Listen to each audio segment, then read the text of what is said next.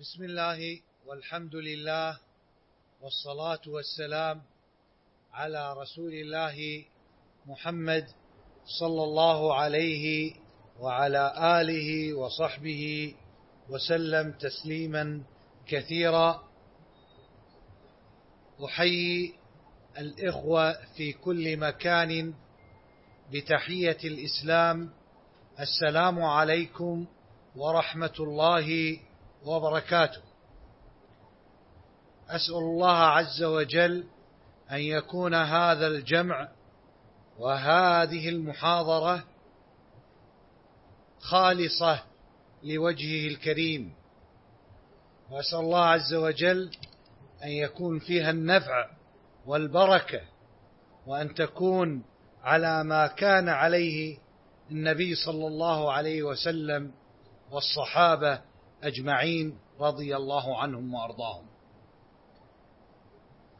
كان هذا العنوان وهو السؤال والجواب على أسئلة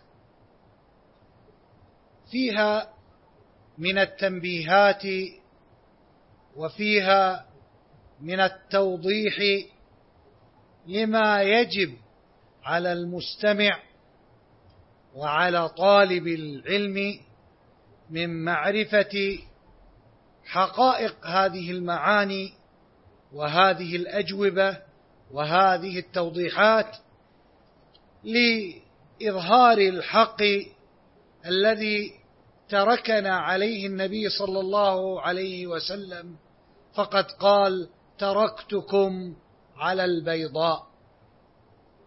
أي الوضوح أي الصفاء أي النقاء.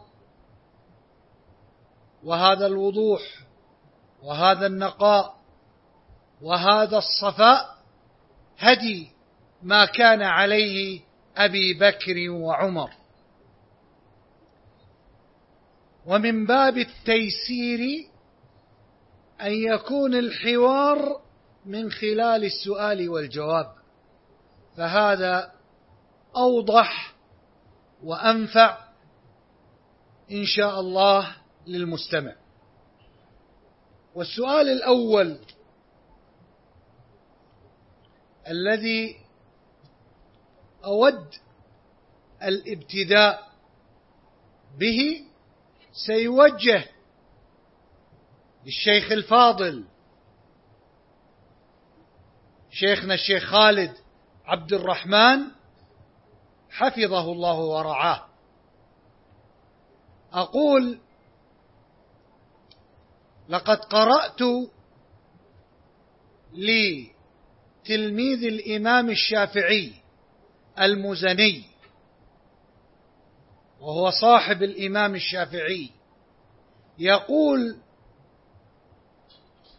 في مختصره اختصرت هذا الكتاب من علم محمد بن إدريس الشافعي رحمه الله ومن معنى قوله لأقربه على من أراد إعلاميه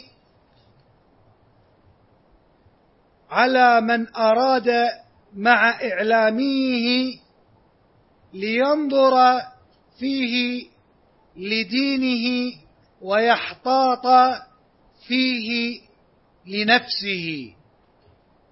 فليتفضل الشيخ خالد لشرح هذه العبارة. الحمد لله رب العالمين والصلاة والسلام على نبينا محمد وآله وصحبه أجمعين. أما بعد فأولا أسأل الله أن يوفق شيخنا وحبيبنا أبا عثمان العنجري لما فيه رضاه وأن يسدد الجميع لما فيه رضا ربي عز وجل. أما ما يتعلق بكلمة الإمام الفقيه المزني فإنه من المعلوم عند أهل العلم عامة وعند علماء الشافعية خاصة أن الإمام المزني هو من أوعية ونقلة علم الإمام الشافعي رحمه الله. وقد نقل علم الإمام الشافعي واختصر ما اختصر رحمه الله وقد بين أنه اختصر ما كتب في مختصر المزني أنه اختصره من علم الشافعي ومن معاني قول الشافعي رحمه الله لا أنه يقصد أنه ينقل نص الشافعي نفسه. ثانيا وقد تربى هؤلاء على يد الإمام الشافعي أعني تلاميذه. فكان يدندن الشافعي على ما ذكره المزني هنا قال مع إعلاميه نهيه عن تقليده وتقليد غيره أي أن الشافعي نص. حين كتب علمه نص على أن لا يقلد. لا هو ولا غيره من أهل العلم. وهذا الذي نقله قد جاء ما هو أبين وأصرح منه من قول الإمام الشافعي وقد جاء من وجوه بأسانيد جي بأسانيد جيدة ثابتة عن الشافعي من طرق أن رجلا دخل على الشافعي فسأله عن مسألة فقال له الشافعي قال فيها رسول الله صلى الله عليه وسلم كذا وكذا. فلما فرغ الشافعي قال السائل للشافعي فأنت ما تقول؟ دخل الرجل على الشافعي فسأله عن مسألة فقال له الشافعي قال رسول الله صلى الله عليه وسلم فيها كذا وكذا. فقال له الرجل فأنت ماذا تقول؟ قال فغضب الشافعي. فقال أتراني في بيعة أترى في وسط زنارة أقول لك قال رسول الله وتقول ما تقول أنت؟ وهذا يدل على أن العالم الرباني هو الذي يعلق الناس بالسنة وهو الذي يدل الناس على الأدلة. لا الذي يدل الناس على نفسه ليعظم ويبجل ويقدم ويزعم. هذا كله من آفات القلوب كما نص على ذلك الأئمة والإمام أحمد يقول رحمه الله قول الشافعي عند رأي وقول الأوزاعي عند رأي وإنما الحجة في الآثار أحسن الله إليكم. تفضل. شيخ العباس يريد المشاركة في هذا السؤال. تفضل. السلام عليكم ورحمة الله وبركاته. جزاكم الله خير. الحمد لله. وصلى الله وسلم على عبده ورسوله محمد وعلى آله وصحبه أجمعين. شكر الله للشيخ خالد حفظه الله جوابه. وأحببت فقط خشيت أن يفوتني هذا فأحببت أن ألفت النظر إلى موقف الإمام المزني رحمه الله. هذا طالب انتفع نفعا عظيما بشيخه وأفاد من علمه. فيتجلى لنا في صنيعه أمران. الأمر الأول أنه قام ببعض حق شيخه عليه وذلك ببث علمه وترتيبه وتهذيبه ونشره بين الناس فإن هذا من حق أئمة العلم وحملة السنة على تلاميذهم بث علومهم ونشرها في الناس. أولا ليعظم بذلك أجرهم ولتنتفع الأمة ثانيا لتنتفع الأمة بعلمهم. ويهدي الله تبارك وتعالى ببيانهم وإرشادهم من شاء الله له الهداية. ولكن تأمل معي الأمر الثاني الذي نستفيده من صنيع المزني رحمه الله. أنه لم يجعل شيخه الإمام الشافعي قطب رحا يدعو بقية الناس والتلاميذ إلى الالتفاف حوله. لسان حاله يقول أيها الناس أفيد من شيخي كما استفدت وإياكم أن تقلدوه. أفيد من شيخي كما استفدت وإياكم أن تقلدوه. ولا تقلدوا غيره. يعتاد بعض الناس إذا نشروا علم شيخهم أو إمامهم أو أستاذهم أو مدرسهم أن يغفلوا عن هذه الجزئية. فيحصل من ذلك أن يربط الناس بشخص العالم دون النظر في الميزان الشرعي لكلامه. لكن المزني لم يصنع ذلك رحمه الله. نقل العلم وأحسن إلى الشافعي وشكر له علمه وهذا من حقه عليه. ولكن ربى الآخذين عنه أني لا أدعوك إلى تقليد شيخي. فضلا عن أدعوك إلى تقليد شيخ غيره ولكني أدعوك إلى أن تنظر لنفسك نظرا شرعيا. والله أعلم وأعتذر إليكم. شيخ الفضل عنده زيادة فليتفضل صاحب الفضل. شكرا يا شمس اليمن. جزاكم الله خير الله يبارك فيكم. فيه فائدة وتربية سلفية من الإمام الشافعي رحمه الله وغفر له في وصيته للمزني تقرر ما ذكره الشيخ عادل الله يحفظه ويبارك فيه حيث قال له يا إبراهيم لا تقلدني في كل ما أقول وانظر في ذلك فإنه دين. فيه إشارة إلى التربية الصحيحة القائمة على الدليل وعلى تربية الشيخ للطالب على تعظيم الدليل بدون التعصب له ولا لقوله فهذه من التربية السلفية الصحيحة التي كان عليها الأئمة رحمهم الله. أحسن الله إليكم. سؤال موجه للشيخ أحمد السبيعي حفظه الله. ما الفرق بين المفتي والقاضي؟ ما الفرق بين المفتي والقاضي؟ ما الذي له أن يقضي ويحكم بين الناس لأن كثير من الناس لا يفرق بين المفتي وعمل القاضي. عنده خلط. فلذلك الشباب يريد أن يعرف منكم حفظكم الله الفرق بين المفتي وبين القاضي. الحمد لله والصلاة والسلام على رسول الله وعلى آله وسلم.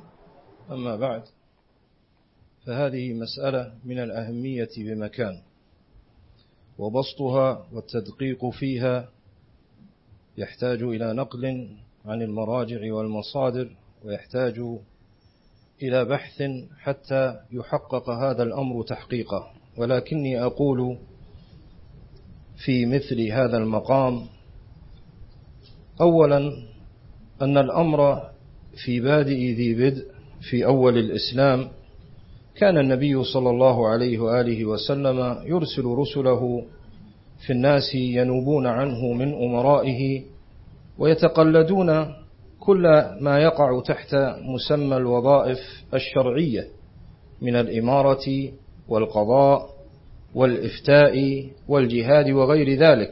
فلما اتسعت الدولة الإسلامية وصارت أمور وأمور اقتضت المصالح أن يكون القضاة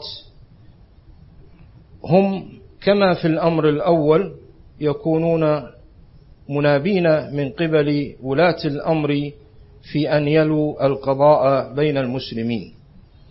أما المفتي فإن كل ذي صاحب علم كل ذي صاحب علم يستطيع أن يفتي إذا لم ينهى من قبل ولي الأمر. وبهذا نعلم بعض الفروق بين القاضي والمفتي. فالمفتي أولا لا تكون فتواه ملزمة أما القاضي فحكمه ملزم.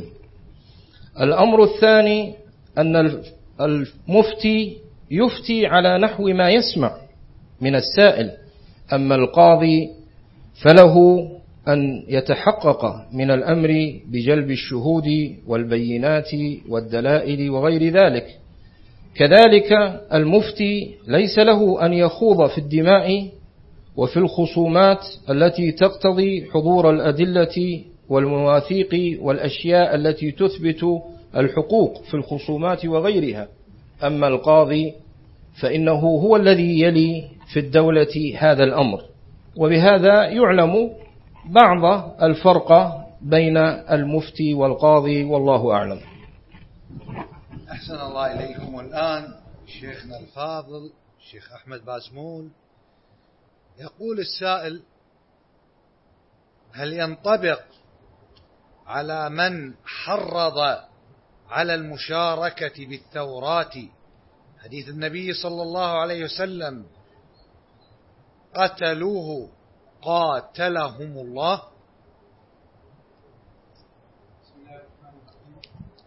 الحمد لله والصلاة والسلام على رسول الله وعلى آله وصحبه ومن والاه. هذا الحديث حديث النبي صلى الله عليه وسلم. حين قال قتلوه قاتلهم الله. ألا سألوا إذ لم يعلموا؟ إنما شفاء العي السؤال. هذا الحديث له قصة. وذلك أن رجلا من الصحابة رضوان الله عنهم جميعا أصابته شجة في رأسه. فسأل وقد أصابته الجنابة فسأل فأمروه بالاغتسال فاغتسل فمات. فبلغ النبي صلى الله عليه وسلم فقال هذا الكلام منكرا عليهم كما قال ذلك أهل العلم. ولو تأملنا هذا الحديث لوجدنا أن من أفتى هذا الصحابة أراد له الخير وظن أنه بذلك تحصل له الطهارة.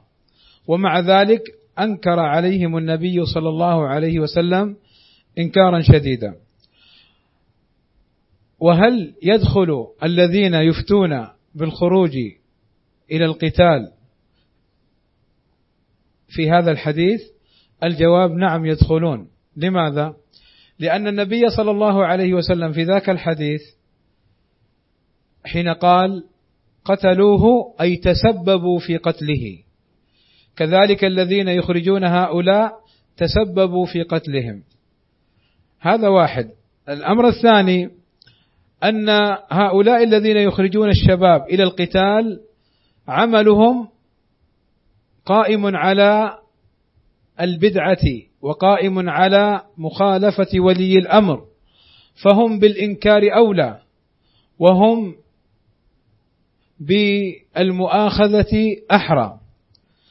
ثانيا النبي صلى الله عليه وسلم يقول من دعا إلى ضلالة كان عليه وزرها ووزر من عمل بها من بعده.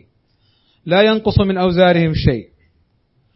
ثالثا أن هؤلاء الذين يخرجون الشباب إلى القتال ليسوا بأولياء ليسوا بأولياء أمور حكام ولا مفوضين ولا مفوضين لهذا الأمر. فعملهم فيه جرأة وفيه افتيات على حقوق ولي الأمر. فلا شك أنهم جمعوا في عملهم هذا عدة أخطاء وعدة ضلالات. فإن قيل هم اجتهدوا فأخطأوا ومقصدهم حسن ونيتهم حسنة. فنقول الجواب عن هذا أولا إن الاجتهاد ليس لكل أحد إنما هو لأهل العلم الذين عندهم القدرة على الفتيا وعلى البيان. ثم لو كانوا أهل علم فليس لهم أن يخرجوا الشباب دون اتصال ودون اتفاق مع ولاة الأمر في التنسيق في هذا الأمر لأن هذا من باب المصلحة العامة ومن باب حقوق ولي الأمر فلا يتجاوز ولي الأمر. ثالثا وقد سبق الكلام عن هذا أن هؤلاء إنما اجتهدوا على ضلالة وعلى بدعة وفتنة فليس عملهم قائم على خير ولا سبيل لهم. إلى ذلك إلى ذلك الأمر.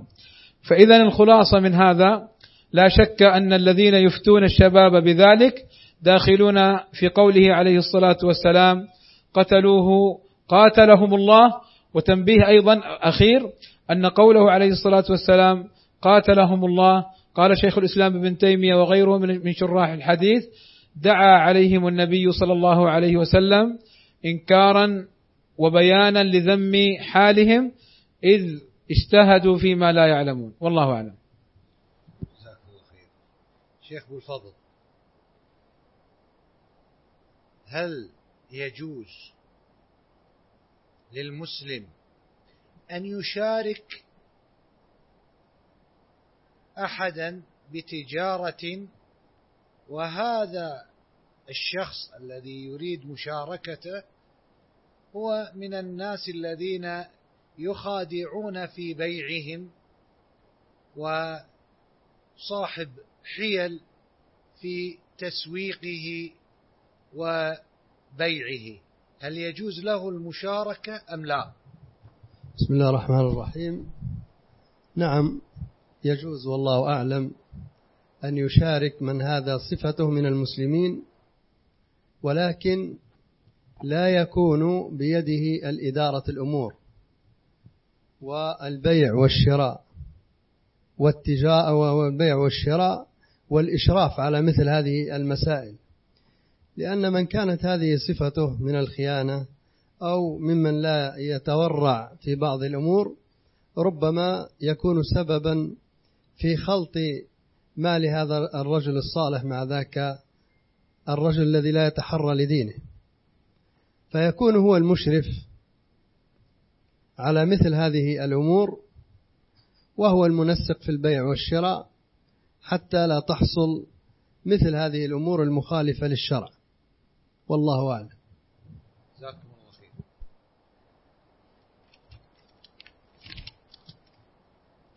شيخ أبو العباس سؤال. ذكر في معرض كلامه الشيخ أحمد بازمول حفظه الله قول النبي صلى الله عليه وسلم إذا اجتهد الحاكم فأصاب. بهذا المعنى. هل هذا الحديث خاص لأناس؟ أي هو خاص للعلماء؟ أم هو مطلق لعامة المسلمين؟ وهل هذا الاجتهاد يكون في الدماء ويكون في الفقه وفي العقيدة فما الحد بالنسبة للمسلم في استشهاده بهذا الحديث؟ جزاك الله خيرا. في سؤال هل رابعة معها؟ وهي وهل أختصر أم أطيل؟ قبل أن أجيب على هذا السؤال لأن هذا السؤال سؤال عظيم. سؤال طويل يعني خلط فيه أناس قديما وحديثا. لكن أستسمح مشايخنا الكرام خاصة شيخنا الشيخ أحمد السبيع حفظه الله أن أضيف إضافة فيما يتعلق بالفرق بين المفتي والقاضي. هذه الإضافة ليست علمية ولكن إضافة عملية لإمام من أئمة المسلمين في هذا العصر.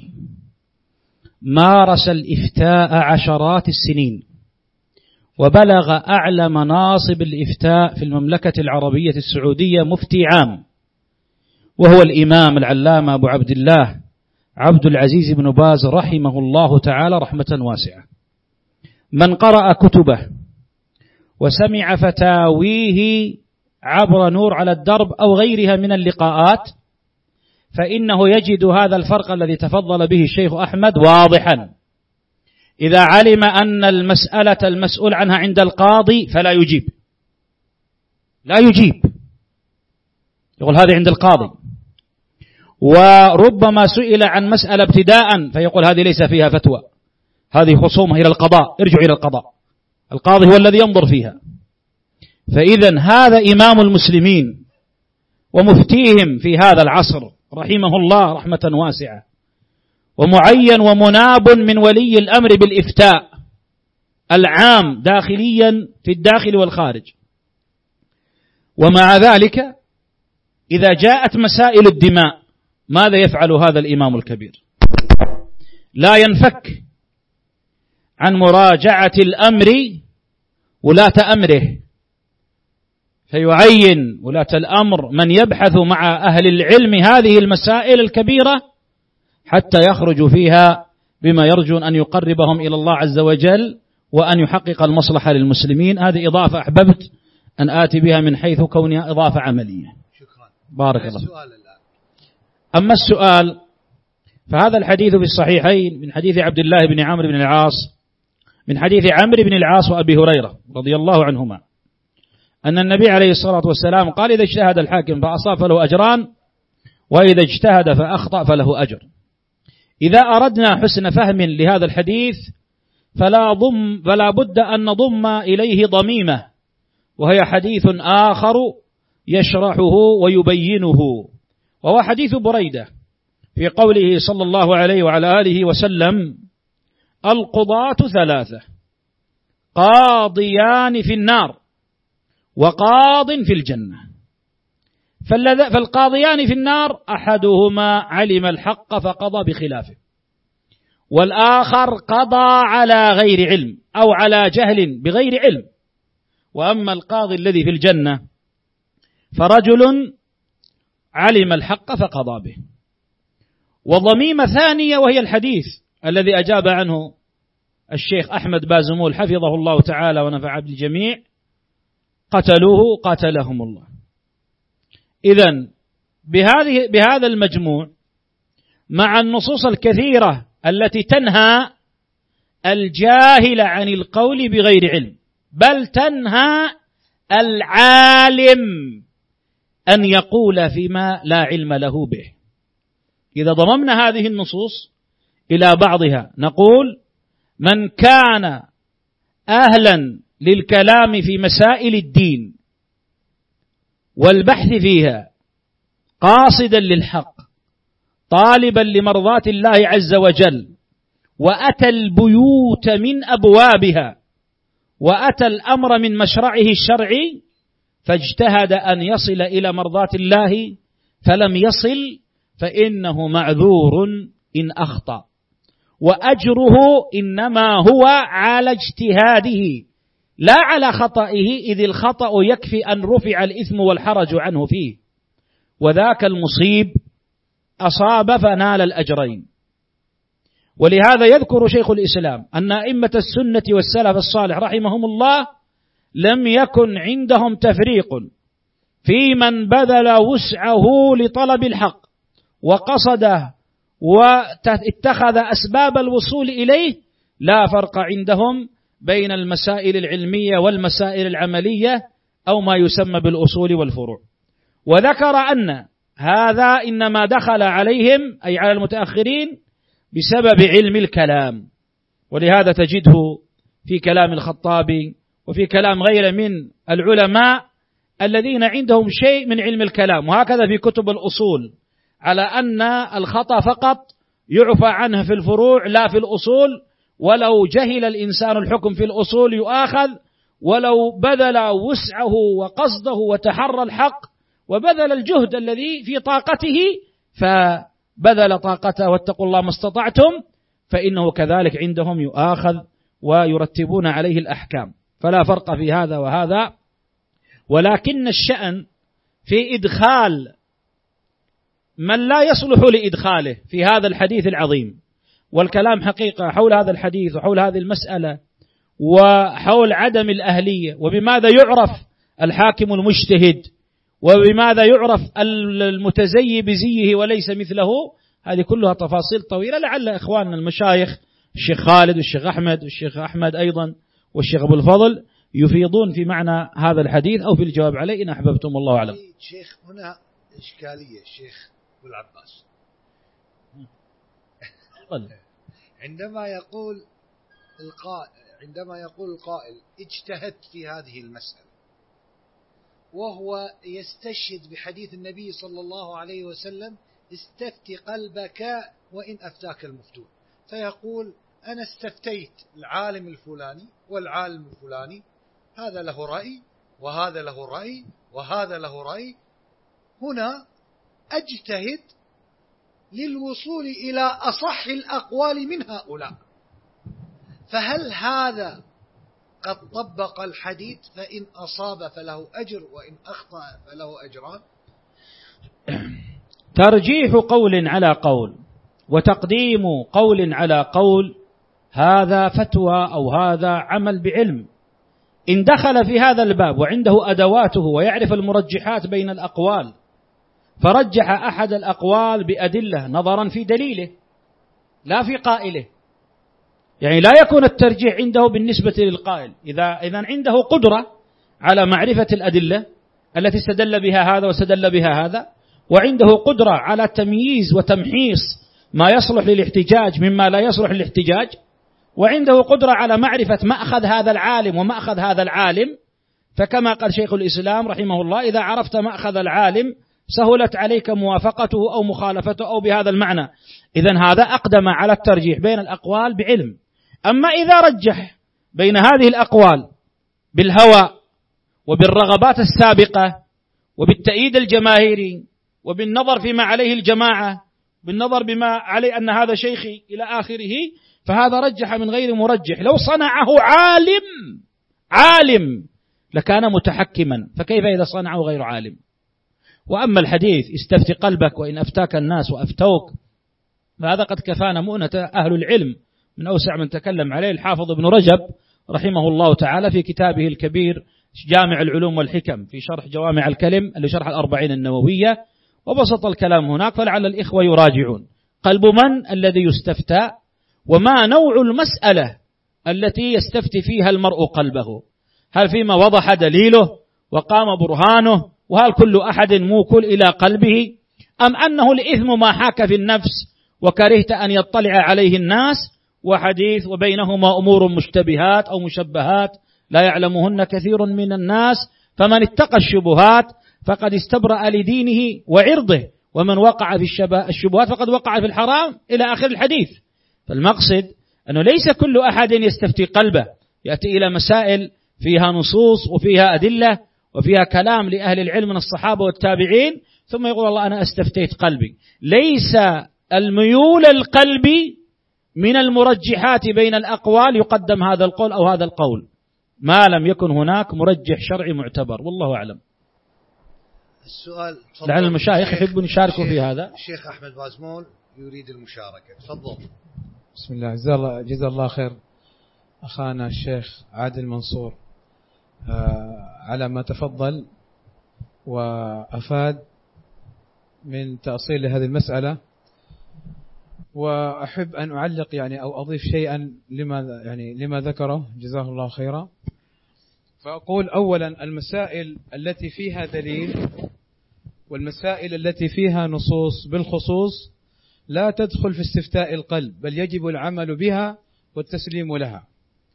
وأما من أجرى هذا الحديث في مثل هذه المسائل فإنما هو يتلاعب بنصوص الشرع ويقدم الهوى والرأي على على النص الشرعي. وأما الحديث كما ذكر أهل العلم حديث استفت قلبك فهو وارد في المسائل التي لا دليل فيها ولا مرجح لبعضها على بعض واختلف العلماء فيها. يدخل في مثل هذه المسائل من جهة ومن جهة أخرى أن يكون المستفتي نفسه صالحا تقيا. آه، ليست له رغبات ولا هوى ولا شهوة يقدمها. ونفسه مطمئنة بالحق حينها إن اختلفت أقوال أهل العلم ولا مرجح وكان بالصفات السابقة فاستفتى قلبه على على أحد القولين لا بأس ولا مانع أن يعمل به فإن أصاب فله أجران وإن أخطأ فله أجر واحد. وأنبه على مسألة على مسألتين أختم بها كلامي أما المسألة الأولى فإن هذا الحديث والأحاديث التي ذكرها الشيخ عادل جزاه الله خيرا لتبين لنا أن الكلام في مسائل الدين وفي مسائل العلم كلام عظيم. إذ هو كما يقول أهل العلم هو توقيع عن رب العالمين. ولذلك ما أجمل قول الإمام مالك رحمه الله تعالى إن جاءك من يستفتيك فلا تنظر بما تخرج بسؤاله ولكن ضع أمامك الجنة والنار وكيف الخلاص منها؟ من النار. وكيف الخلاص من هذا السؤال؟ وقال بعض السلف وهو محمد بن عجلان أو ابن عجلان أو غيره قال إن الذي يفتي في كل مسألة لمجنون. إن الذي يفتي في كل مسألة لمجنون. فلا شك أن الكلام في مسائل العلم والدين كلام عظيم. هذا تنبيه أول. تنبيه ثاني ذكره شيخ الإسلام ابن تيمية رحمه الله تعالى يؤيد ما سبق وهو أن من تكلم في دين الله تعالى في مسألة ما بغير علم ولو كان عالما في غيرها فتكلم في مسألة لا يعلم دليلها وليس أهلا لها فهو آثم بالإجماع ولو أصاب الحق. وإثمه لأنه تجرأ في الكلام على دين الله بلا علم. ولذلك كان الصحابة رضوان الله عليهم وأئمة التابعين يتدافعون الفتوى. والله أعلم. الله أكبر. يتدافعون الفتوى. شيخ أحمد ممكن من يعني كلمة حول يتدافعون الفتوى. الحمد لله والصلاة والسلام على رسول الله وعلى آله وسلم. أما بعد فقد قال ربنا تبارك وتعالى في شأن الدين والمسارعة فيه في الخيرات قال وفي ذلك فليتنافس المتنافسون وقال تعالى سابقوا إلى مغفرة من ربكم وجنة عرضها السماوات والأرض عدة للمتقين فكثير من الأدلة كما ثبت عن النبي صلى الله عليه وسلم أنه قال إن الله يكره العجلة في كل شيء أو في كل أمر إلا أمر الآخرة فكل أمور الآخرة فهي إلى التدافع والتسابق والمسارعة إلا شأن العلم والتصدي له. فإن له من بين سائر العبادات وإن له من بين سائر القربات إلى الله عز وجل شأن آخر أدركه العالمون لعظم خطر القول على الله بغير علم. وحسبك من ذلك أن ربنا جل وعلا حين ذكر المحرمات ختم به فقال تعالى قل إنما حرم ربي الفواحش ما ظهر منها وما بطن والإثم والبغي بغير الحق وأن تشركوا بالله ما لم ينزل به سلطانا وأن تقولوا على الله ما لا تعلمون. والنبي صلى الله عليه وآله وسلم من المعلوم شدة شفقته ورحمته بأمته حتى كان صلى الله عليه وسلم كما ثبت في الأحاديث الصحيحة أنه في قيامه لليل يناشد ربه أنه يرحم أمته فيقول صلى الله عليه وسلم أمتي أمتي فيقول له الله سنرضيك الله في سنرضيك في أمتك. ومع هذا فكما سمعنا في الحديث المتقدم أنه لما أفتى بعض الناس بغير علم بادر النبي صلى الله عليه وسلم بلفظة شديدة في الوعيد فقال قتلوهم قاتلوه قاتلهم الله. ألا سألوا إذ لم يعلموا؟ فإنما شفاء العي السؤال. فبين النبي صلى الله عليه وسلم هنا أن الواجب على من لا يعلم أن يسأل من يعلم. وهذا صريح في قول ربنا تبارك وتعالى فاسألوا أهل الذكر إن كنتم لا تعلمون بالبينات والزبر. فبين فتبين من ذلك أن هذا الباب من الخير على أنه مفضل على سائر العبادات كما جاء في الحديث الحسن أو الصحيح قول النبي صلى الله عليه وسلم قوله صلى الله عليه وسلم إن زيادة أو إن في علم خير من زيادة في عبادة أو ما معناه فالعلم هو أعظم القرب إلى الله سبحانه وتعالى. لكن التصدي به للناس هذا أمر آخر. فطلب العلم شيء والتصدر لتبليغه للناس شيء آخر. عقله السلف أيما معقول. ولذلك فلما كان هذا المقام بهذه الخطورة كانوا لا يتصدون له إلا من بلي به. ولذلك كان الخلفاء يتعبون كثيرا حتى يجدون قاضيا يقضي بين الناس وكانوا يطاردون أهل العلم مطاردة من أجل أن يلوا شيئا من هذه الأمور فيأبى أهل العلم إلا أنهم يعني ينصرفوا عن هذا الأمر. ولذلك يعني ذكر أهل العلم كما يروى عن الإمام أحمد أنه سئل أن بلدا ليس فيها أحد يصلح للقضاء إلا واحدا. فهل يجيب فقال لا أو ما معناه.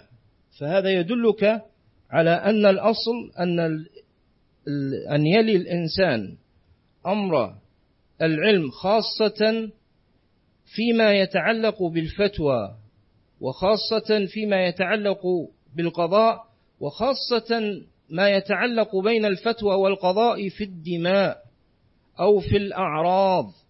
أو في الأمور التي تعم بها البلوى فإن المسؤولية تعظم وتعظم وتعظم وحسبك إذا رأيت مسارعا إلى ذلك ومبادرا إليه وناصبا نفسه له من غير أن يدعوه السلطان ثم تجده يخوض ويخوض فحسبك في ذلك دلالة على أنه غير متبع للسلف الصالح. رحمهم الله تعالى. إذ أن هذا الأمر فرق في العلم بين تبليغ حروفه وألفاظه كما كان في حلق الحديث العامرة في زمن السلف الصالح وبين القضاء والفتوى. هذا أمر وهذا أمر آخر. فتبليغ حديث رسول الله صلى الله عليه وسلم يحصل به للمسلم الهداية والإيمان والإسترشاد فيما يحتاج إليه من العمل. ولذلك أثبت الأئمة رحمهم الله كالشافعي وابن عبد البر وغيرهما وكما كان عليه. الناس قبل بدو هذه المذاهب كان هناك منزلة تسمى الاتباع يتبع فيها ظاهر الأدلة عن النبي صلى الله عليه وسلم ويتحقق فيها بعض معنى قول النبي صلى الله عليه وآله وسلم تركت فيكم ما إن تمسكتم به لن تضلوا كتاب الله وسنتي والصحيح. أن هذا الحديث العظيم الحسن والصحيح الذي رواه مالك في الموطأ وغيره أقول هذا الحديث العظيم يفيد أنه أن المخاطب به كل مسلم. هذا الحديث مخاطب به كل مسلم. تركت فيكم ما إن تمسكتم به لن تضلوا. هذا مخاطب فيه كل مسلم. لا كما يقول بعض أهل المذاهب أن المخاطب به مجتهد العلماء. لا. فكيف يعمل المسلم بهذا الحديث؟ أن يتقفر حديث رسول الله صلى الله عليه وسلم وأن يحرص على أن يسمع حديث رسول الله صلى الله عليه وسلم حرصه على سماع القرآن. وقد كانت حلق العلم في زمن السلف الصالح يتلى فيها حديث رسول الله صلى الله عليه وسلم فيحصل لعموم المسلمين ثمرة صالحة وعلما نافع يشيع بينهم وهذا أمر ملحوظ إلى هذا الزمان. فمن يسلك مسلك ما يعرف بالسلفية أو أهل السنة أو أهل الحديث أو أهل الحق من يسلك هذا المسلك فإنه يعلم أنه كما يقول شيخ الإسلام ابن تيمية رحمه الله من سلك مسلك أهل الحديث والسنة في طلب العلم فإنه يدرك في الأوقات القصيرة ما لا يدركه غيره في الأوقات المتطاولة. إذا أما قضية التصدي للفتوى والتصدي للنوازل وما أشبه ذلك فإن هذا من أدرك مسؤوليته ومن أدرك عظم خطره ومن سمع كلام الأئمة في هذا الباب حتى يقول قائلهم وهو ربيعة ابن سليمان رحمه الله تعالى يقول وددت لما دخل عليه فوجد يبكي. فقال رحمه الله تعالى وددت أني جلدت على كل فتوى أفتيتها صوتا. فحين يسمع الإنسان الإنسان مثل هذه الأشياء فلا شك أنه سيدرك هذا المعنى المذكور من أنهم كانوا يتدافعون الفتوى إلا أنهم يجدون أن من مصلحة الدين أن يتكلموا ويجدون أن الحق يضيع لو لم يتكلموا فهنا يكون الكلام ديانة وإذا كان الكلام في العلم ديانة أعان الله عبده عليه. أحسن الله إليك. شيخ أبو الفضل سؤال أرسل إلي هذا السؤال.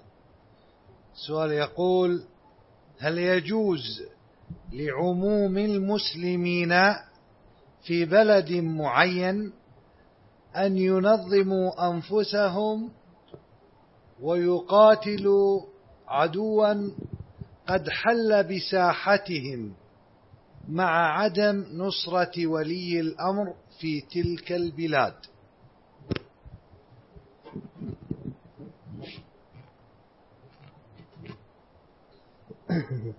بارك الله فيكم جزاكم الله خير. هذه المسائل من المسائل العظيمة التي في الحقيقة ينبغي أن تحال إلى العلماء. ومن أحيل على مليء فليحتل كما قال النبي صلى الله عليه وسلم. جزاكم الله خير. الله يوفقك ويبارك فيك. تنبيه الشيخ عادل. سؤال بالأصح يعني لفظ الحديث أنا كنت متوقف عند لفظة قتلوه قاتلهم. كنت أحفظه قتلوه قتلهم. فأحببت أن أتأكد فراجعت مراجعة عجلة سريعة. فإذا في أبي داود وغيره بلفظ قتلهم الله. هذا من حيث يعني النسبة للحديث. جزاكم الله خير جزاك الله خير. أين الشيخ أحمد؟ نعم. فهذا الذي يعلم. قتلوه قتلهم بارك الله فيكم. وفيكم. جزاك الله خير على الفائدة. نعم. الآن ودي أسأل الشيخ خالد حفظه الله. في كلام للشيخ لشيخ الإسلام ابن تيمية يقول قد يكون الرجل من أذكياء الناس. قد يكون الرجل من أذكياء الناس. وأحدهم نظر صاحب حدة في النظر. ويعميه سبحانه وتعالى عن أظهر الأشياء وقد يكون في المقابل. وقد يكون من أبلد الناس وأضعفهم نظرا يعني نظر وفقه ضعيف ويهديه الرب سبحانه وتعالى. لما اختلف فيه من الحق بإذنه. يقول شيخ الإسلام فلا حول ولا قوة إلا به. فمن اتكل على نظره واستدلاله أو عقله ومعرفته خذل. نسأل الله السلامة. أرجو بيان هذا المعنى العظيم لكلام هذا الإمام. جزاك الله خير. لا شك أن شيخ الإسلام جرى على لسانه من العبارات والبيان ما يحتاج إلى طول بيان. وقد قدم شيخ الإسلام ابن تيمية رحمه الله جملة قبل هذا الكلام الذي سمعناه من شيخنا العنجري حفظه الله حيث قال شيخ الإسلام ابن تيمية في كتابه درء التعارض في رده على الفلاسفة والمتكلمين المغرورين بعقلهم وبعلمهم قال أن العبد عليه أن يفتقر إلى الله ثم ساق بعد ذلك ما تقدم من الكلام والبيان. ولا شك أن اغترار الإنسان بعقله وفهمه وما أوتي من القوة إنما هو مذلة ضعف وهوان وهي خطة إبليس.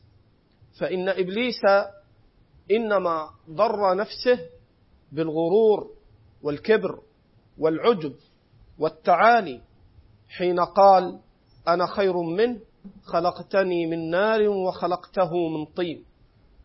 بينما نظر آدم عليه الصلاة والسلام إلى نفسه نظرة المقصر المعظم لأمر ربه حيث قال ربنا ظلمنا أنفسنا وإن لم تغفر لنا وترحمنا لنكونن من الخاسرين. لذلك فإن خذلان العبد إنما يكون بسبب عجبه وبسبب غروره. ولذلك قال النبي صلى الله عليه وسلم فيما صحح الألباني وغيره لو لم تذنبوا لخشيت عليكم ما هو أشد من الذنب العجب. لو لم تذنبوا لخشيت عليكم ما هو أشد من الذنب العجب. فإن العجب بنص كلام النبي صلى الله عليه وسلم هو أخطر وأشد من الذنوب المهلكات. فلو أن العبد امتنع عن الذنوب ثم طرأ على قلبه أنه امتنع عن ذلك بقدرته وفضل نفسه فإنه يهلك.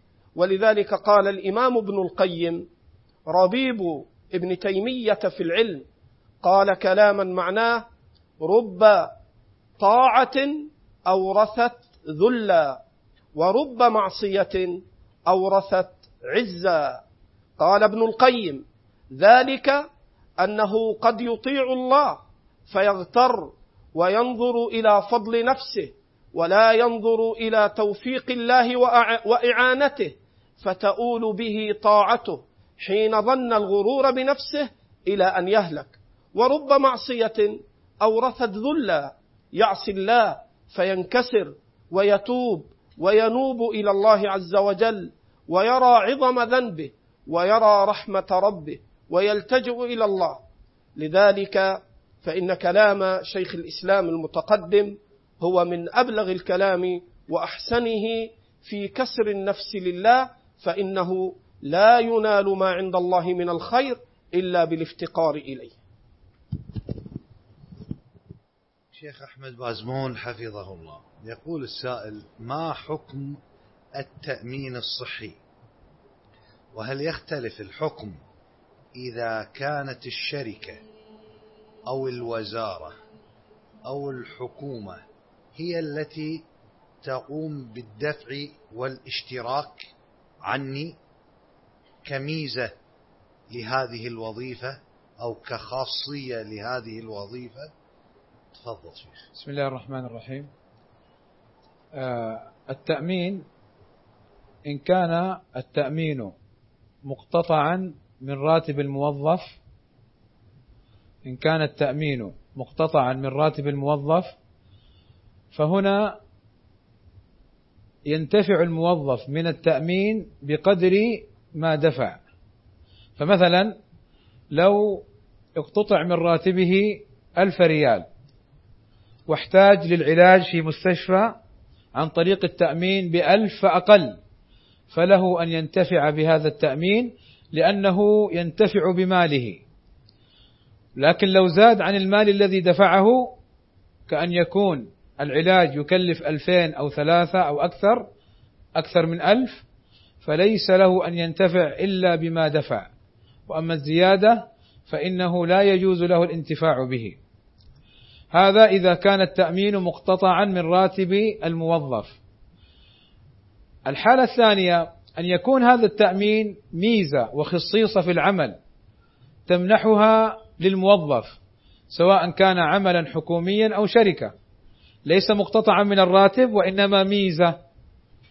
فهنا يظهر والله أعلم أن الموظف له أن ينتفع بهذا التأمين مطلقا قليلا أو كثيرا قليلا أو كثيرا.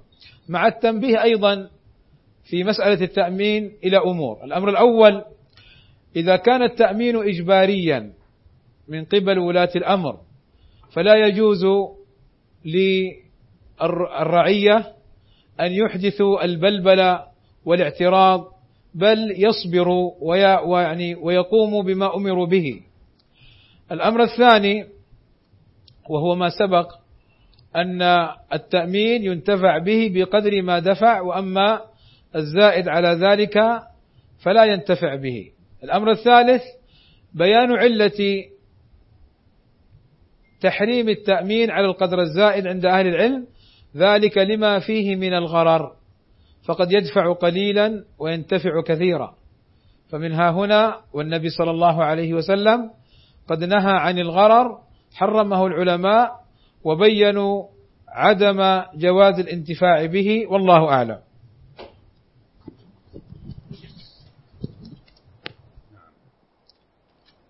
السؤال الآن الشيخ خالد عبد الرحمن. قول القائل علي الطلاق أو علي الحرام هل هو هل يعد من اليمين؟ وهل يكون من الحلف بغير الله تعالى؟ هذه المسألة اختلف فيها الفقهاء رحمهم الله قديما وحديثا. أولا هل هي يمين أم لا؟ أعني اللفظين علي الطلاق أو علي الحرام. فقال بعض أهل العلم هي يمين وفيها كفارة اليمين. وقال بعض أهل العلم هي ليست بيمين لأن اليمين معروف أن تصاغ على أحد الأحرف الثلاثة الباء والواو والتاء بالله وتالله ووالله. وهنا لم يحلف أصلا لا لغة ولا شرعا ولا عرفا. فهذا خلاف بين الفقهاء. وهذا القول الأخير أشبه بالصواب وأن هذا ليس بيمين لا من حيث الدلالة الشرعية ولا من حيث الدلالة اللغوية. فالتحقيق أن قول القائل علي الطلاق أو علي الحرام وإن قال بعض أهل العلم بأنه يمين فالصواب خلافه إذ لا دليل على ذلك. أما المسألة الأخرى هل يقع الطلاق به أم لا؟ فأيضا اختلف أهل العلم فمنهم من قال علي الطلاق طلاق طلاق رجعي أو طلقة رجعية واحدة. فإذا قال علي الطلاق هو بمنزلة قوله الطلاق يلزمني أو أنا ملتزم به. وهكذا علي الحرام إن قصد طلاقا بها فهو طلاق. ويكون طلقة رجعية. وقال جماعة من أهل العلم لا هو لا بيمين ولا يعد طلاقا. ونحى بعض أهل العلم إلى مذهب جيد واضح حيث قال إن عقدة النكاح إنما ثبتت بيقين فلا تزول إلا بيقين. هذا الذي يظهر وهو قول طائفة من أهل العلم والله أعلم. السؤال اللي بعده شيخ خالد. تفضل. هو يعني مثل ما تفضل الشيخ خالد جزاه الله خير إنه قول علي الطلاق ونحوها ليست بيمين من حيث هي.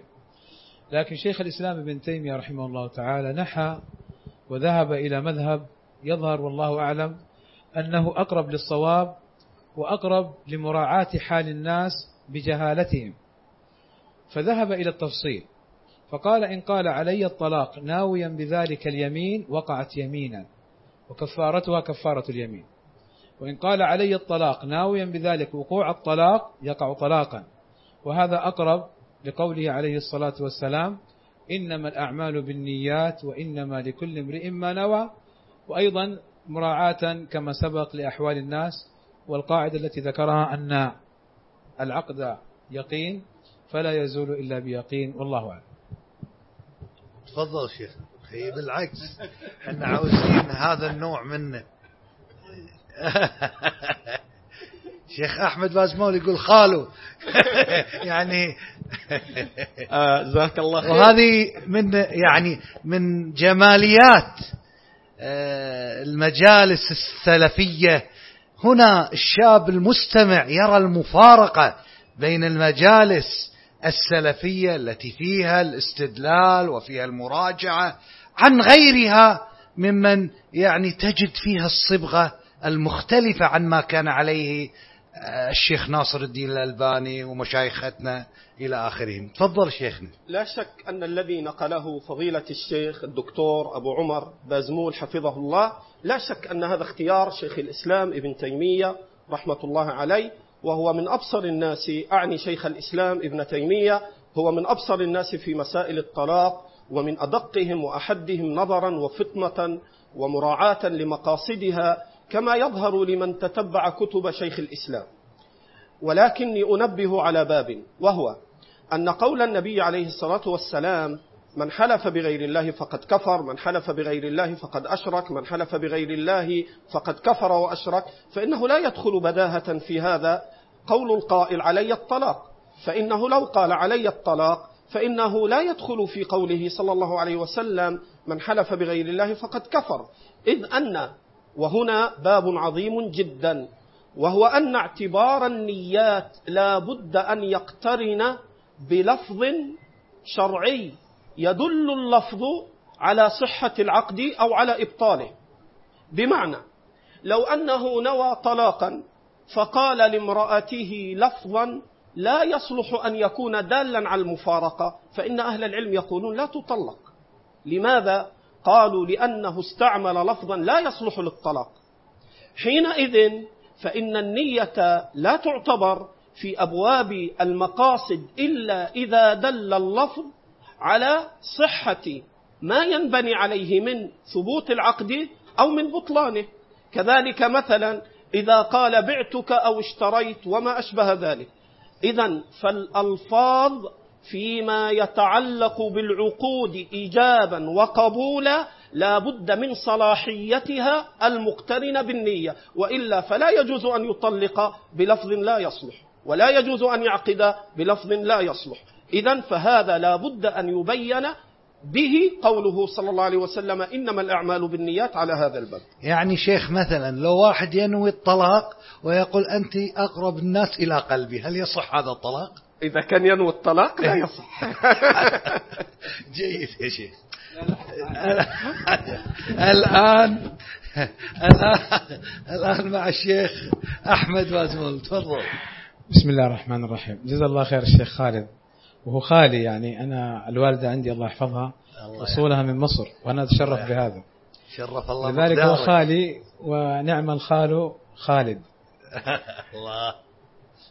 آه، ما ذكره الشيخ خالد الله يحفظه في هذه المسألة فيه نظر والله أعلم.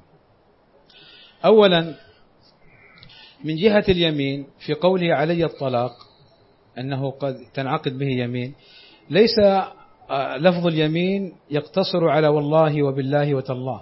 فلو قلت يميني تنعقد اليمين لأنه لفظة اليمين معروفة ولا يلزم منها القسم. لأن اليمين يعني يقصد بها الإنسان تأكيد الشيء. آه، ثانيا في قضية أنه الطلاق أو له ألفاظ وكذا فلو قال غير الطلاق غير الألفاظ الشرعية لا تقع هذا خلاف كلام أهل العلم. فلو قال الرجل لامرأته الحقي الحقي الحقي بأهلك ونوى فراقها وطلاقها وقع عند أهل العلم.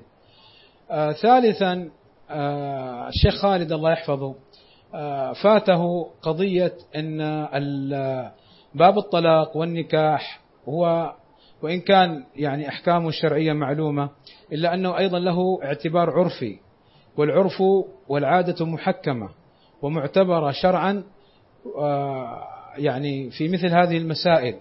فلو جرت العادة والعرف على أن الإنسان يقول علي الطلاق بمعنى اليمين ونواه وأيضا القاعدة الأخرى أن الأمور بمقاصدها فإن النية والمقصد معتبر يعني معتبرة في في هذا الباب فيعني يظهر رجحان لا قول أحمد بازمول وإنما قول الإمام أحمد آه، ابن عبد السلام ابن تيمية الحراني رحمه الله تعالى.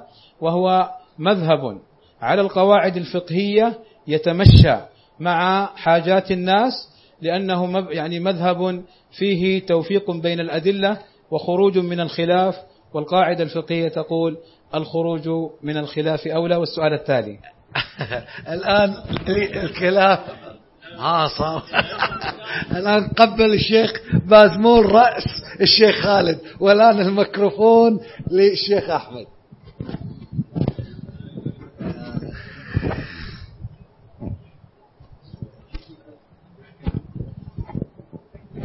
أنا بس أريد يعني توضيح يعني يعني جوانب من المسألة.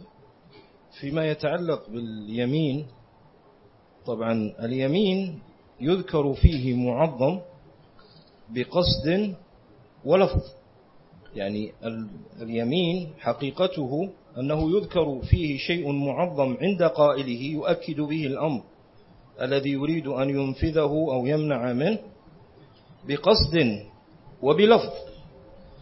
فيفرق بين لفظ وآخر بحسب ما شرع أصالة وبما يمكن أن ينعقد به اليمين.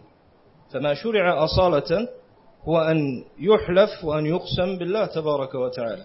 لكن لو جاء بلفظ هو عنده معظم وكان عنده وكان مراده القسم به.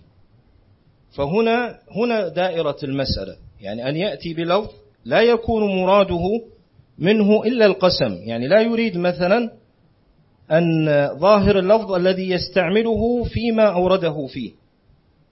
فهنا ذكر هذا اللفظ لأنه معظم عنده من أجل منع أو تحضيض أو غير ذلك من مقاصد القسم واليمين.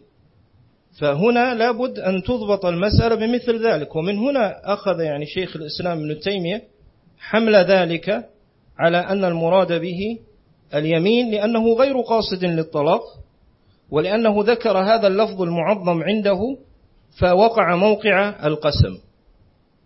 فهذه نقطة. والنقطة الأخرى فيما يتعلق في الخروج من الخلاف فالخروج من الخلاف كما نص يعني عدد من الأئمة رحمهم الله تعالى أنه ليس مسلكا علميا ترجيحيا في المسائل إنما هو مسلك أحوطي عند تكافؤ الأدلة أو عند عدم قدرة الفقيه على أن يرجح.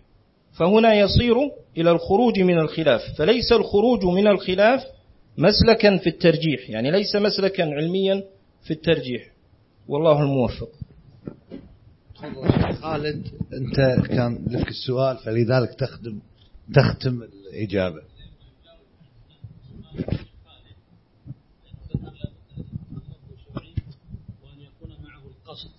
فسؤالي ما حكم عقد الأنكحة؟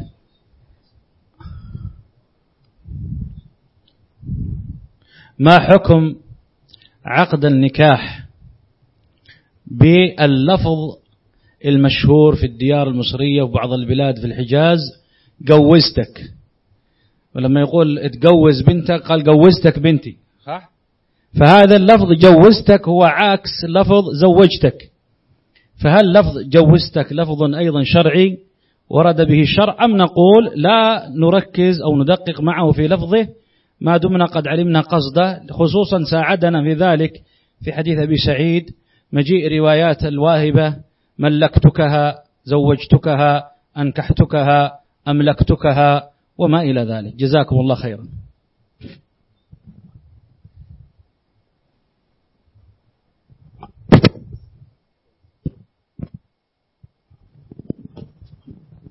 أولا حقيقة الذي نسب إلي في فهم كلامي فهم على غير وجه. فلما أقول إن العلماء يشترطون الألفاظ التي تدل على معانيها في العقود ليس معنى هذا أن ألفاظ العقود شرعية بل جلة أهل العلم متفقون.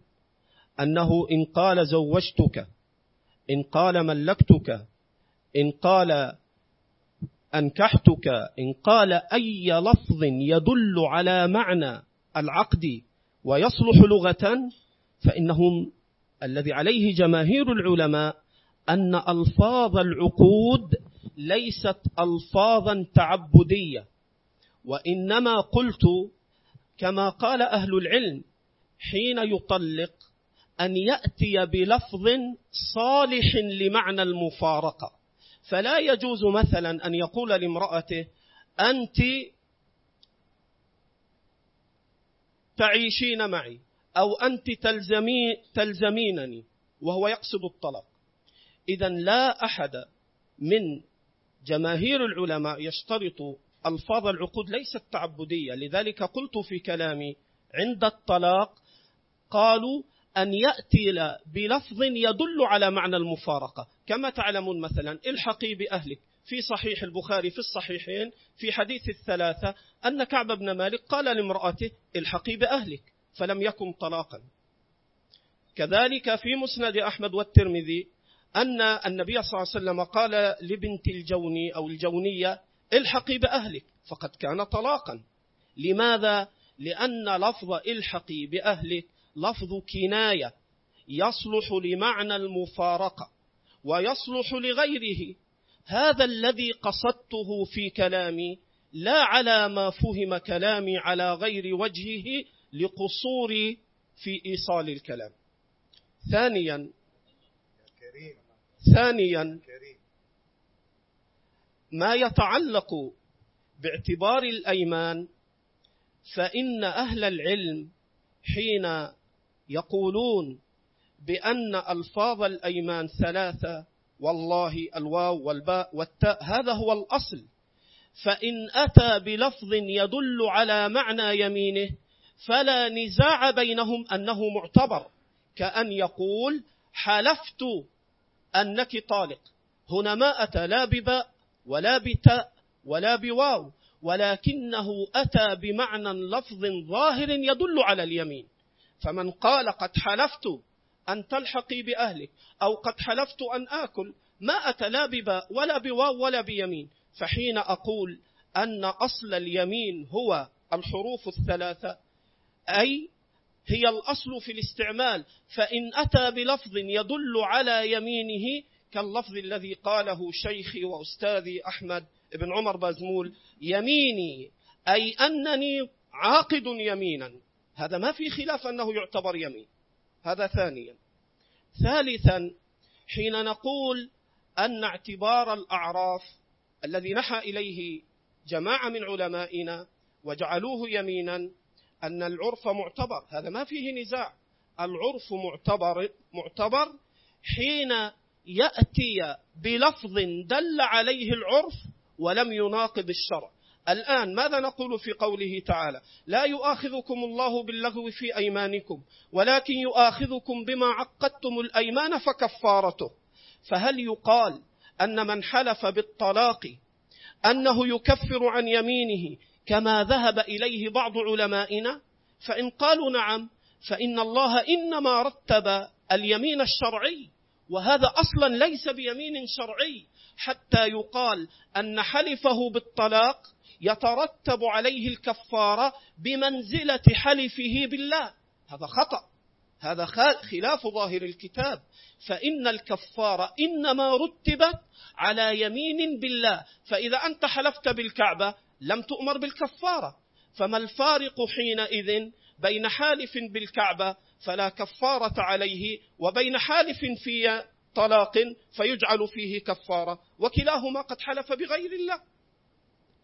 ثالثا إلى آخره إلى آخره. انتهى انتهى الآن. الآن لا يخل عنك يا شيخ. الآن السؤال الذي بعد. إن شاء الله. شيخ السؤال الآن للشيخ أبو العباس. شيخ أبو العباس ما الفارق بين منهج طالب العلم في الأخذ بالدليل في مقابل المقلد.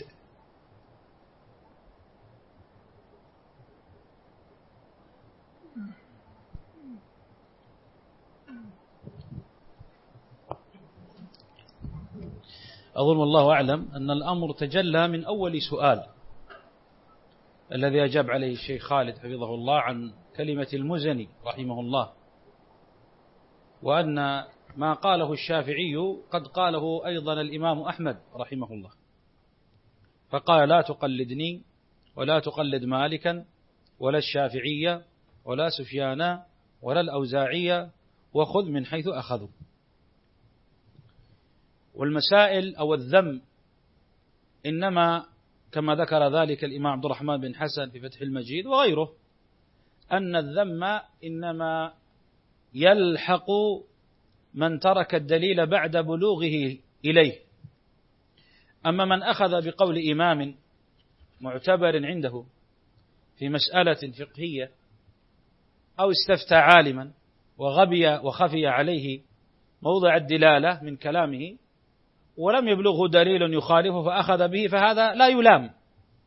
إنما الذي يلام ويذم من يبلغه العلم. كما قال تعالى وما كنا, وما كنا معذبين حتى نبعث رسوله وكما قال تعالى ومن يشاقق الرسول من بعد ما تبين. وكما قال تعالى ما كان النبي والذين آمنوا أن يستغفروا المشركين ولو كانوا أولي قربى من بعد ما من بعد ما تبينوا أنهم أنهم أصحاب الجحيم. وقال فلما تبين له في إبراهيم عليه الصلاة والسلام والنصوص في هذا الباب كثيرة. فالإنسان الأصل أنه يتعلم كما تعلم الصحابة وكما تعلم التابعون من الصحابة. التابعي كان يقدم على الصحابي فالحقيقة أن الخلل مشترك. الخلل هناك خلل من جهة السائل وهناك خلل من جهة المجيب. إذا كان الأمر يتعلق بسؤال وجواب وهناك خلل من جهة الطالب وهناك خلل من جهة المدرس إذا كان الأمر يتعلق بطالب وشيخ أو بتلميذ ومعلم. فمن جهة السائل كان التابعون وأتباعهم إذا قدموا على الصحابة وعلى الأئمة إنما يسألونهم عن ما فعل رسول الله صلى الله عليه وسلم. كيف رأيت رسول الله يتوضأ؟ أرأيت الرجل يفعل كذا؟ ماذا عند عن رسول الله؟ فإما أن يبتدئه هو بسؤاله عن صفة قول رسول الله صلى الله عليه وسلم أو فعله وإما أن يجيبه هو المجيب. انظروا أجوبة الصحابة وأجوبة التابعين.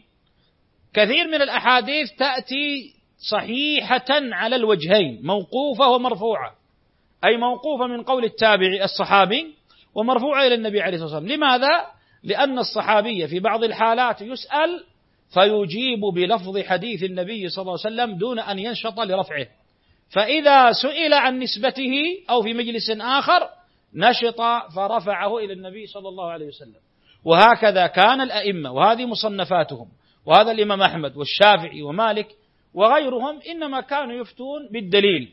وما أجمل ما قال ابن القيم رحمه الله تعالى وقد ذكر جملة من الفوائد في آخر كتابه إعلام الموقعين ولا يحضرني رقم الفائدة فذكر رحمه الله أن النبي صلى الله عليه وعلى آله وسلم وهو الذي هو حجة بنفسه وقوله هو الحجة ومع ذلك كان يذكر لأصحابه والسائلين المسألة بدليلها وتعليلها وحكمها وحكمتها حتى يكون ذلك أشرح للنفس وأدعى للقبول وضرب على ذلك أمثلة كما في قصة ولده هل فيها من أورق ثم قال وأما العالم الذي يضيق صدره إذا سئل عن دليل المسألة فإنما ذلك فإنما ذلك دليل على قلة علمه وضيق عطنه.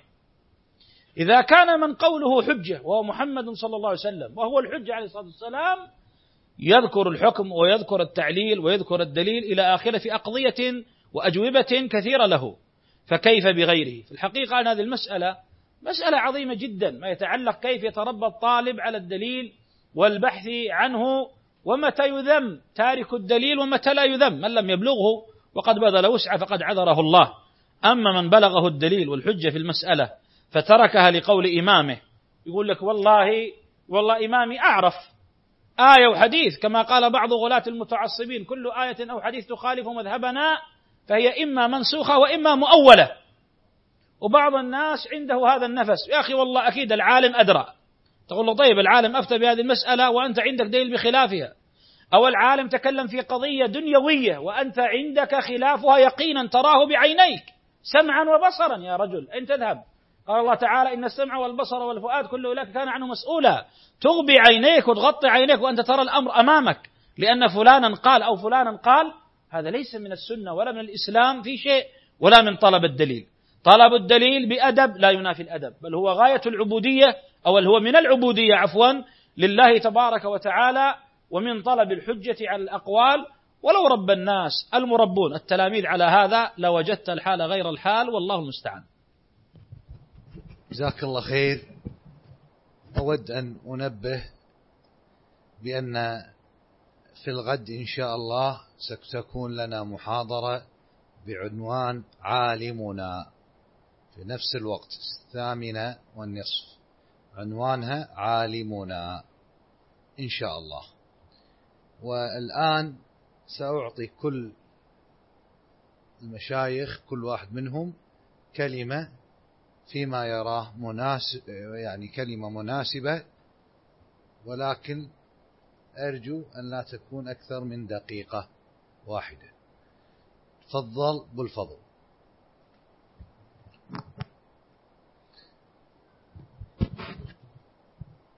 بارك الله فيك وجزاكم الله خير.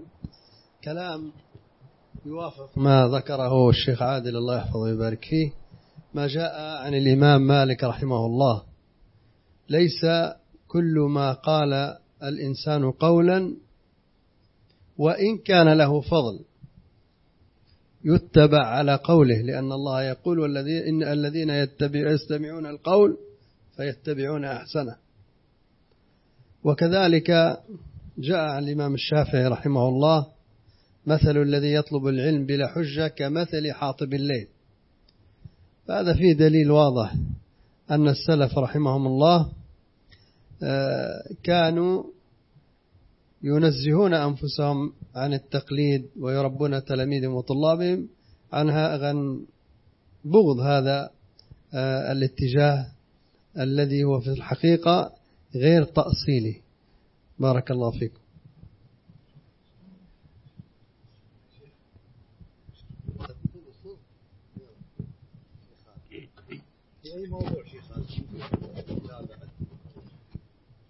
يعني أقول إن أحوج ما يحتاجه أهل السنة في هذه الأوقات التي كثر فيها الخلاف والشقاق والنزاع وكثرت فيها الأحزاب وكثرت فيها الخصومات وكثر فيها التحزب إن أحوج ما يحتاجه صاحب السنة في هذا الوقت إلى العلم النافع وإلى سلوك مسلك السلف الصالح.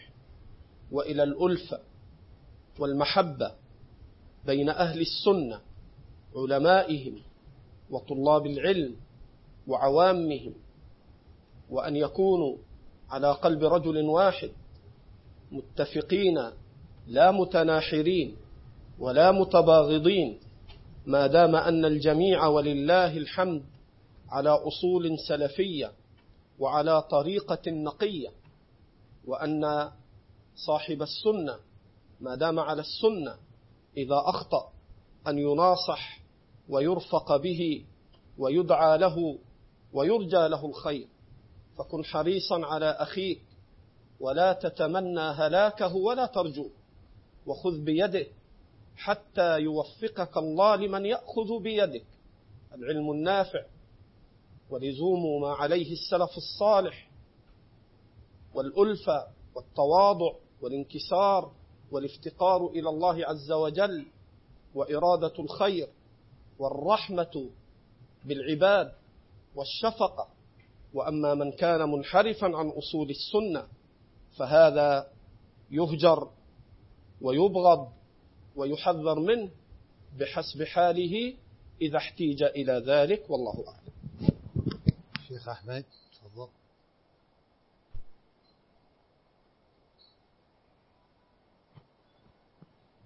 الحمد لله رب العالمين والصلاة والسلام على رسول الله وعلى آله وسلم أما بعد أحب التعليق على كلمة شيخ الإسلام ابن تيمية رحمه الله المتعلقة بالذكاء والغباء.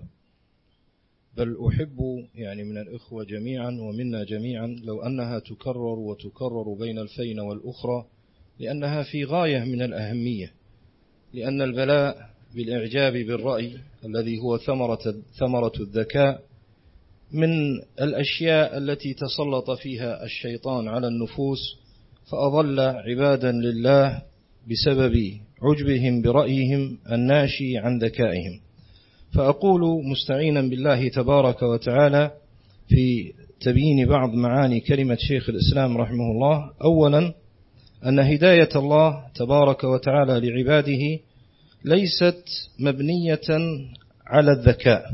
فليس الذكاء هو الجالب لهداية الله تبارك وتعالى ولكن الله يهدي من يشاء ويضل من يشاء. ثانيا أن جمهور مسائل العلم الواجبة لا تحتاج إلى ذكاء دقيق لفهمها بل العلم كلما كانت الحاجة إليه أعظم كلما كانت أدلته أظهر وأبين. ثالثا أن الذكي عنده آلة كرامة من الله جل وعلا إذا استعملها تابعة للوحي وعبودية لله وآلة في الفتنة إذا استعملت في غير ذلك. رابعا أن العبرة كل العبرة بمن هلك من الأذكياء الذين قال فيهم شيخ الإسلام نفسه, نفسه كانوا أذكياء ولم يكونوا أزكياء خامسا أو المسألة الخامسة أن فتنة الذكي أنه يريد أن يجعل ذكاءه آلة قيادة للناس. فالذكي يقارن نفسه بالأغبياء فيعجب بنفسه.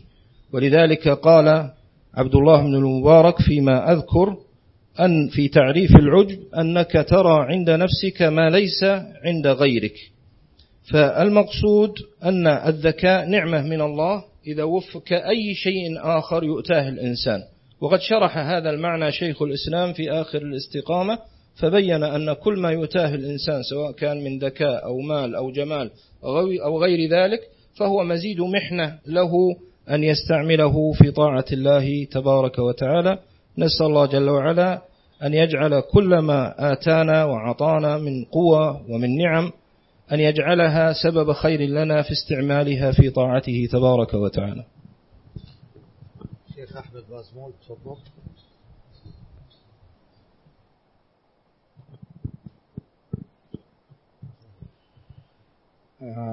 في ختام هذه الجلسة التي أسأل الله عز وجل أن يجعلها في ميزان أعمالنا أن تكون حجة لنا لا حجة علينا. أذكر ما يتعلق بمسألة طالب العلم والدليل. فالأوزاعي رحمه الله تعالى كان يقول وهو إمام من أئمة السنة كان يقول ندور مع الدليل حيث دار. وهذه المسألة مسألة مهمة. لو أن طالب العلم علق نفسه بها فإنه ينجو بإذن الله تعالى من كثير من الفتن. اتباع الدليل لا تعصب لشيوخ ولا عجب بنفس ولا آه، يعني كبر وارتفاع عن الناس بل يعلق المسلم والسلفي الصادق الناصح يعلق نفسه بالدليل. يقول شيخ الإسلام ابن تيمية رحمه الله تعالى في مجموع الفتاوى الجزء الثالث عشر صفحة 135 قال جماع الفرقان قال جماع الفرقان بين الحق والباطل والهدى والضلال والرشاد والغي وطريق السعادة والنجاة وطريق الشقاوة والهلاك. أن تجعل ما بعث الله به رسوله وأنزل به كتبه هو الحق الذي يجب اتباعه وبه يحصل الفرقان والهدى والعلم والإيمان. فيصدق بأن فيصدق بأنه حق وصدق. وما سواه من كلام سائر الناس يعرض عليه أي على الدليل على الوحي. فإن وافقه فهو حق وإن خالفه فهو فهو باطل. انتهى. وهو كلام عظيم لا يحتاج إلى تعليق وإنما يحتاج إلى تطبيق إنما يحتاج إلى قلب صاف نقي طاهر من الغل والحقد والحقد طاهر من أذى الناس طاهر من أذى إخوانه. يعمل بهذا الأمر. أيضا أريد أن أنبه إلى كلام لشيخ الإسلام ابن تيمية رحمه الله تعالى لا يحضرني لفظه ولكن يحضرني معناه لأن معناه كبير. في كلام لابن القيم في كلام لابن تيمية رحمه الله تعالى يقول إن الذي يعمل بالدليل لهواه يأثم ولا يؤجر. شوف يعمل بالدليل لا للدليل وإنما لهواه. قال فإنه لا يوفق ويأثم لأنه لم يعمل للدليل للدليل وإنما لموافقته لهواه. والمعنى والله أعلم أنه إذا خالف الدليل هواه لا يعمل به والله أعلم. شيخ العباس. جزاكم الله خيرا. بارك الله فيكم. بقي من أوقات إخواني بعض الثواني. أجمعها على بعض ولا ما في؟ الظاهر أنها دقيقة. طيب بارك الله فيكم. أقول عندي نقلان أحب أن أختم بهما. حديثي الخاص إذا كان هناك إضافة من المشايخ. النقل الأول عن شيخ الإسلام الإمام محمد بن عبد الوهاب رحمه الله. لما قال في أول الأصول الستة من أعجب الأعجاب وأكبر الآيات الدالة على الملك قدرة الملك الغلاب ستة أصول بينها الله بيانا شافيا كافيا فوق ما يظن الظانون يفهمه أبلد العامة ظل فيه كثير من أذكياء العالم وعقلاء بني آدم. مرة ثانية شيخ. من أعجب العجاب من أعجب العجاب وأكبر الآيات الدالة على قدرة الملك الغلاب ستة أصول عظيمة بينها الله في كتابه بيانا شافيا كافيا فوق ما يظنه الظانون يفهمه أبلد العامة ظل فيه كثير من أذكياء العالم وعقلاء بني آدم. فذكر من هذه الستة أولها تجريد التوحيد وآخرها نبذ التقليد. أول الأصول الستة تجريد التوحيد وإخلاص العبودية لله وآخرها نبذ التقليد وأنه مكيدة شيطانية لصد الناس عن القرآن والسنة وأنه لا يجوز أن يستدل بالقرآن إلا من كان مجتهدا مطلقا والمجت... بالقرآن والسنة. والمجتهد المطلق من فيه كذا وكذا قال حتى ذكروا صفات لا تجتمع إلا في أبي بكر وعمر. فهذا أمر مهم. ومن الأصول في ثناياها أصل السمع والطاعة. ضل فيه كثير من أذكياء العالم. مع بيان الله عز وجل وبيان رسوله فيه شرعا وقدرا. وهذا أحببت أن أذكر به. النقل الثاني عن شيخ الإسلام ابن تيمية رحمه الله في المجلد الأول من فتاوي وكذلك هو في المجلد العاشر مكرر عنده في المجلد الأول صفحة 97 والعاشر صفحة 665 وأنا لما احتجت النقل وهو في حفظي احتجت أن أرجع إلى الجهاز فأنا أذكر الجزء والصفحة من الجهاز حتى لا يظن الظانون ممن لا يراني أني أذكر الجزء والصفحة من حفظي بارك الله فيكم. إنما أذكره من الجهاز. فاحتجت النقل فأحضرت نظرت في الجهاز فإذا قول شيخ الإسلام ابن تيمية رحمه الله وقد أوعبت الأمة في كل فن من فنون العلم إيعابا فمن نور الله قلبه هداه بما يبلغه من ذلك. ومن أعماه لم تزده كثرة الكتب إلا حيرة وضلالا. ومن أعماه لم تزده كثرة الكتب إلا حيرة وضلالا. كما قال النبي صلى الله عليه وسلم لأبي لبيد الأنصاري أوليست التوراة والإنجيل؟ هذا أبو لبيد أنا قلت في بعض الدروس لبيد وهو زياد بن لبيد الأنصاري وحديثه عند النسائي وغيره لعله يأتي معنا إن شاء الله.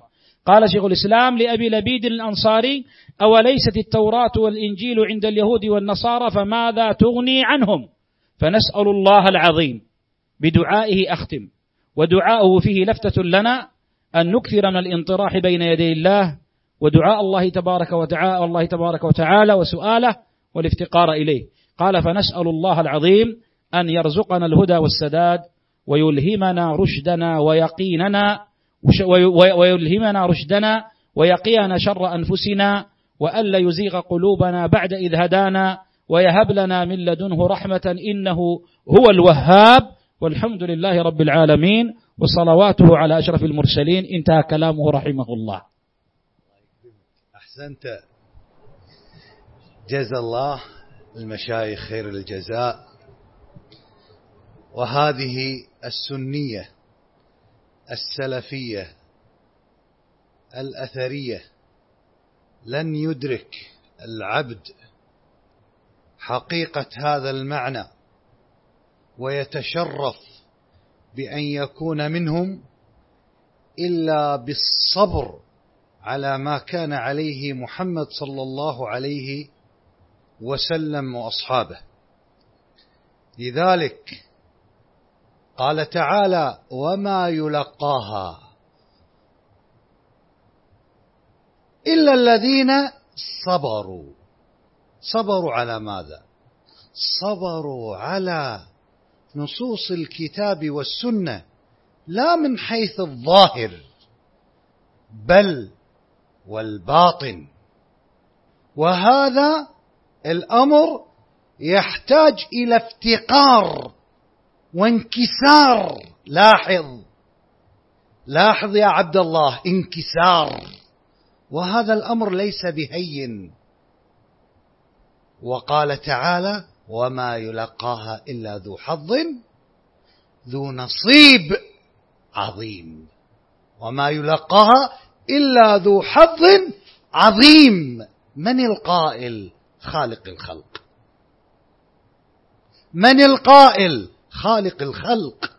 فالسلفية لن تصيب الحق ولن تدرك الحق العظيم وستكون من الفائزين إلا بالصبر الذي كان عليه محمد صلى الله عليه وسلم وأصحابه. فانظر إلى صبر النبي صلى الله عليه وسلم. فالنبي صلى الله عليه وسلم كان في مكة في ساعة صبر وفي مقابلة لأعداء الحق وما كان من النبي صلى الله عليه وسلم إلا البقاء والثبات إلى الهجرة. وما كان من النبي صلى الله عليه وسلم في المعارك إلا الصبر على عداء الكفار واعداء وأعدائه من المنافقين حتى وصل الأمر إلى فراش النبي صلى الله عليه وسلم. وما كان من النبي صلى الله عليه وسلم إلا الصبر. وصلوا إلى ما وصلوا إليه. وما كان من النبي صلى الله عليه وسلم إلا الصبر على هذا الأمر. لذلك ولا يلقاها إلا الذين صبروا ولا يلقاها إلا ذو حظ عظيم. وما يلقاها إلا ذو حظ عظيم. فأسأل الله عز وجل أن يكرمنا بذلك. وأقول قولي هذا وأستغفر الله لي ولكم والموعد إن شاء الله آه، غدا الثامنه والنصف والمحاضرة بعنوان عالمنا. السلام عليكم ورحمة الله وبركاته. إذا كان يا أخوان في أسئلة فأرجو إرسال الأسئلة للإخوة فإن شاء الله يكون في وقت للإجابة عليها. جزاكم الله خير.